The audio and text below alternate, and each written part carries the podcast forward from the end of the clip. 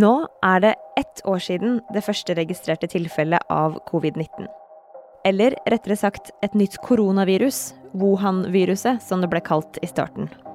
Den siste uken så har jeg snakket en del med en fyr jeg kjenner i Wuhan i Kina. Og i likhet med alle de andre 11 millioner menneskene som bor der, så var han faktisk innesperret i leiligheten sin i 76 dager, altså nesten tre måneder. Zhang Yang, som kollega Kristoffer Rønneberg snakker om her, lever et ganske vanlig liv i Wuhan nå. Han går på butikken, og han kan spise ute om han vil. I Kina blir det nå registrert omtrent 25 smittetilfeller om dagen, i et land med 1,4 milliarder innbyggere. Nå er det god grunn til å ta alle tall fra Kina og andre autoritære land med en klype salt. Og spesielt skal vi være forsiktige med de smittetallene som kom fra Kina i begynnelsen av pandemien. Men akkurat nå så er det ingen tvil om at de har klart å legge denne pandemien mer eller mindre bak seg. Så kampen mot viruset har de i stor grad vunnet. Nå gjenstår en annen, og for myndighetene i Beijing, mye viktigere kamp. Du hører på Forklart fra Aftenposten. Jeg heter Anne Lindholm, og i dag er det mandag 7. desember. For ett år siden begynte bl.a. en gruppe leger i Wuhan å bli bekymra. Et helt ukjent lungevirus som ligna ganske mye på det skumle SARS-viruset fra 2003, hadde dukka opp. Folk døde av et influensalignende virus som angrep luftveiene. Eh, mot slutten av, eh, av året, i, i, desember i fjor, så vågte åtte leger å varsle om dette viruset og, og advare folk mot å bli smittet. Så de kinesiske myndighetene i Beijing de fikk to problemer i fanget. Et folkehelseproblem, og ikke minst et omdømmeproblem. Kinesiske ledere er veldig opptatt av å forme historien. Eh, mange kinesere vet i dag ikke noe særlig om ting som det store spranget på 50-tallet der 30 millioner mennesker ble drept, eller om den voldelige kulturrevolusjonen på 70-tallet, eller om massakren i Beijing i 1989 for den del. Nå prøver kommunistpartiets ledere på nytt å forme et narrativ, denne gangen om koronaviruset. Inntrykket de vil at folk skal sitte igjen med, er at de håndterte krisen på en god måte, og at viruset dessuten opprinnelig kom fra et annet sted enn Kina. Og første steg i å fortelle historien om koronaviruset starta ganske tidlig. Myndighetene i Beijing begynte med å gå hardt ut mot de legene som hadde oppdaga og varsla om det nye viruset i desember i fjor. En av disse legene han het Li Wenliang, og han ble kalt inn til det lokale politikontoret og bedt om å slutte å snakke så høyt om dette viruset. Og, og myndighetene prøvde så godt de kunne å legge et lokk på hele saken i den første fasen. Men viruset spredde seg så fort og så aggressivt at uh, til slutt så ble myndighetene nødt til å reagere. Men da var det for sent. Da var viruset ute. Og, og, denne legen, altså Li Wenliang, han endte faktisk opp med å bli smittet av viruset selv, og han døde av koronaviruset 7.2. Så det første forsøket på å kontrollere informasjonen, altså med å arrestere de som fortalte om viruset, det måtte myndighetene gi opp. Og da ble det viktig å få kontroll på folkehelsedelen av problemet, virusutbruddet i seg sjøl.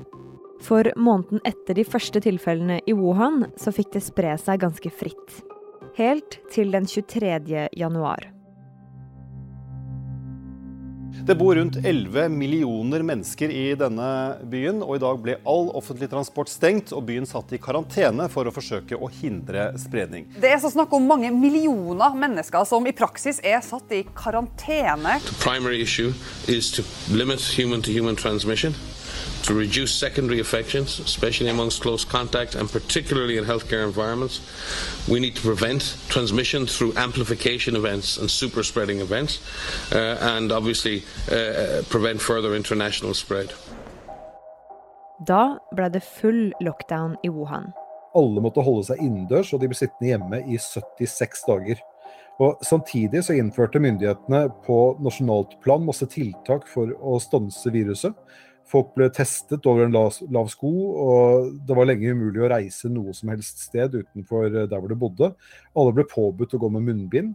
Og i, i noen av deler av landet så sendte til og med politiet ut droner for å kjefte på innbyggerne som beveget seg utendørs uten munnbind. Så lockdown i nesten tre måneder i tillegg til masse testing, stengte veier og tog, det hjalp en del. Men det mest effektive tiltaket det har kanskje vært eh, disse smittesporingsappene som alle må bruke i Kina. Denne appen den følger med på hvor du er og hvem du er sammen med. Og Så lenge du er smittefri, så får du opp en grønn QR-kode på, på, appen. Og Den må du vise fram hver gang du skal inn i en butikk eller på T-banen, eller ofte utenfor nabolaget du bor i. Hvis du har vært i kontakt med noen som senere ble smittet, da får du beskjed via appen, og så blir den QR-koden gul. Hvis du blir smittet selv, så får du rødt lys på skjermen, og da slipper du ikke inn noe sted. Eh, dette er jo en ganske uh, hardhendt løsning som ikke tar spesielt mye hensyn til personvern, men det er veldig effektivt, og det er grunnen til at Kina nå ikke lenger har dette viruset i noen særlig grad. Så da den delen av problemet var løst, kunne de bruke alle kreftene på å fikse det viktigste sitt gode navn og rykte. Nå prøver Kina å unngå å få skylden for at dette viruset i det hele tatt dukket opp. Og da peker lederne i Beijing i alle mulige retninger utenfor Kina. Og blant de mistenkte så finner du til og med norsk frossenfisk.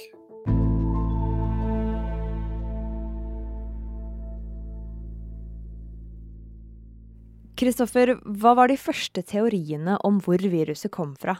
Dette nye viruset det minner på mange måter om viruset som førte til det store SARS-utbruddet i 2002 og 2003 i, i Sør-Kina. Det var også et koronavirus, og dette nye viruset det heter jo faktisk SARS-CoV-2. Eh, den gangen, altså for 18 eh, år siden, så kom viruset fra en flaggermus som hadde smittet en såkalt snikekatt, som igjen hadde smittet et eh, menneske i, i Sør-Kina. Denne gangen så var man også ganske sikre på at viruset hadde kommet fra en flaggermus. Men man visste ikke helt hvordan det kom seg videre fra flaggermusene til menneskene i Wuhan. Viruset kunne ikke gå rett fra flaggermus til menneske, det måtte være et mellomledd, så et missing link som vi leter etter nå. Den fremste teorien har vært at dette mellomleddet fantes i form av et eh, vilt dyr som ble solgt på det store ferskvaremarkedet i, i Wuhan. Kanskje var det en snikekatt igjen, kanskje var det en pangolin, kanskje noe helt annet. En annen teori som har dukket opp, var at virusutbruddet kunne ha noe med et forskningssenter som ligger i Wuhan å gjøre. Det er bare noen hundre meter fra dette store ferskvaremarkedet til dette virologiske forskningssenteret, der de drev og forsket på koronavirus som de hadde hentet fra flaggermus i huler i, i Yunnan-provinsen i Sør-Kina. Og Det kan godt være at viruset som har skapt denne eh, pandemien i år, på en eller annen måte har kommet seg ut av dette forskningssenteret ved, ved et uhell. Det er altså veldig mye vi ikke vet her. Og nå skal Verdens helseorganisasjon og andre forskere undersøke hva som har skjedd, og hvordan dette viruset faktisk eh, oppsto. Og Kina er jo et av de landene som prøver å fjerne mistanken mot seg sjøl. Åssen gjør de det? De siste ukene i kinesiske statlige medier, der eh, har det stått artikler med eksperter eh, fra, fra, Kina, hvor de påstår at viruset kan ha oppstått i utlandet lenge før det dukket opp i, i Wuhan. Blant annet uh, står det i disse artiklene, uh, og vi skal huske igjen at de står i aviser som er eid og kontrollert av kinesiske myndigheter. Der står det at viruset det kan ha blitt importert til Kina i frossenmat fra utlandet. Og når de snakker om frossenmat fra utlandet, så lager de lister med hvor denne maten kommer fra. Og der står Norge som et av landene som da også er en mistenkt uh, i, i spørsmålet om uh, hvor koronaviruset kan ha kommet til Kina fra. Dette er en teori som ikke er særlig sannsynlig, men det har ført til at mange i Kina nå faktisk har blitt redde for å kjøpe frossenmat. Og frossenmat på supermarkedene i bl.a. i Beijing er nå merket i flere butikker med en med en QR-kode som viser at den har blitt testet for koronavirus. Er det første gang du hører om at koronaviruset kan komme fra frossenmat i Norge? Det er ikke så rart. For de teoriene her de blir ikke presentert i så mange internasjonale medier.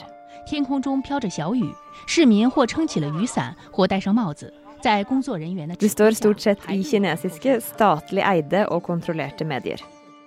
For budskapet om at viruset ikke kommer fra Kina, det er i hovedsak retta mot kinesere.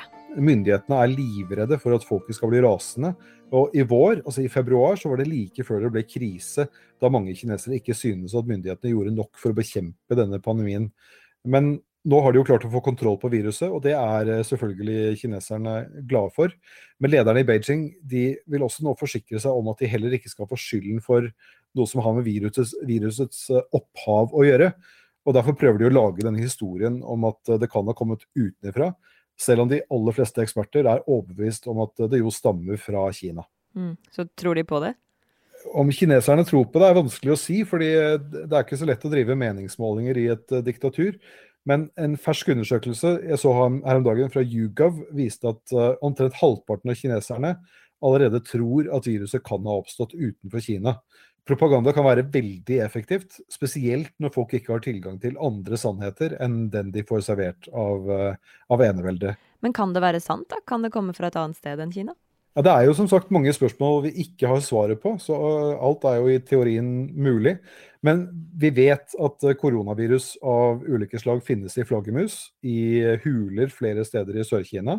Vi vet også at dette viruset ligner veldig på et som har oppstått i Kina tidligere, altså det som forårsaket eh, SARS-utbruddet.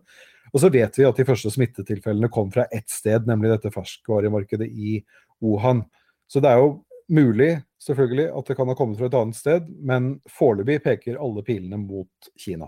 Og Kina peker på alle andre.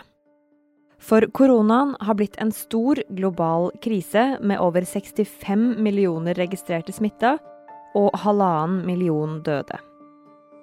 Og når vi kommer ut på den andre siden, så blir det et spørsmål om hva som skjedde, hva som gikk gærent, og ikke minst hvem sin skyld det er. Derfor er det veldig viktig for kinesiske myndigheter å, å allerede nå sørge for at de sitter igjen med så lite ansvar som mulig. Ikke bare fordi de vil sikre makten og unngå at egen befolkning skal bli sinte, men også fordi dette er knyttet til den store konflikten, eller stormaktsrivaliseringen med USA, hvor disse to eh, verdens største og nest største økonomi prøver å få stadig større makt i verden.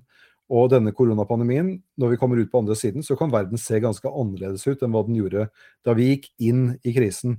Og det Kina jobber med nå, som de har uh, muligheten til det fordi de ikke lenger har uh, pandemien å slite med, det er å sørge for at de står i en så sterk posisjon som mulig så fort vi er ute av det. Zhang Yang er en fyr jeg kjenner i, i Wuhan. Han bor alene i en leilighet uh, i byen, 44 år gammel, og så lever han av å lage små lærprodukter som han selger på, på internett fine lommebøker og belter og, og sånne ting. I forrige uke så, så, ba jeg ham gå litt rundt i byen for å beskrive hvordan det er der nå, ett år etter at viruset dukket opp for første gang. Han endte opp med å sende meg noen videoer, bl.a. Eh, et fra det store ferskvaremarkedet eh, som heter Huanan, der så mange ble, ble smittet for ett år siden så var dette et av de mest levende stedene i, i Wuhan. Både fordi det var over 650 boder der med massevis av kunder som vandret eh, fram og tilbake, men også fordi de solgte levende dyr på dette markedet. Og stort ferskere får man jo ikke maten. Akkurat dette markedet var kjent for at de også solgte ville dyr. Eh, mange av dem var også levende. Her kunne du finne ting som grevling, piggsvin og krokodille. Og det er denne delen av markedet med de ville, levende dyrene som sannsynligvis er der viruset kommer fra. Når uh, Zhang, uh, min kamerat, uh, besøker stedet i dag, så er hele markedet stengt. Det ble det på nyttårsaften i fjor. Da kom det folk og kastet ut selgerne og desinfiserte hele stedet. Og når, når Zhang besøker området der nå, så ser han at hele fasaden av Juana-markedet er dekket av blå treplater, og så ser man så vidt at det er tomt på innsiden. Så våtmarkedet er stengt, da, og man selger ikke levende dyr der lenger i det hele tatt? Man selger ingenting på akkurat dette markedet, men det finnes jo massevis av denne typen ferskvaremarkeder i både i Wuhan fortsatt og, og i Kina ellers. Etter SARS-utbruddet i, i, 2003, som også var knyttet til et marked av, eh, som lignet på dette, så, så, var det mange som krevde at man skulle slutte å selge ville dyr på denne måten. Og det har det også vært mange som har sagt i år. Men eh, gammel pangolin er vond å vende, og det tar nok ikke slutt denne gangen heller.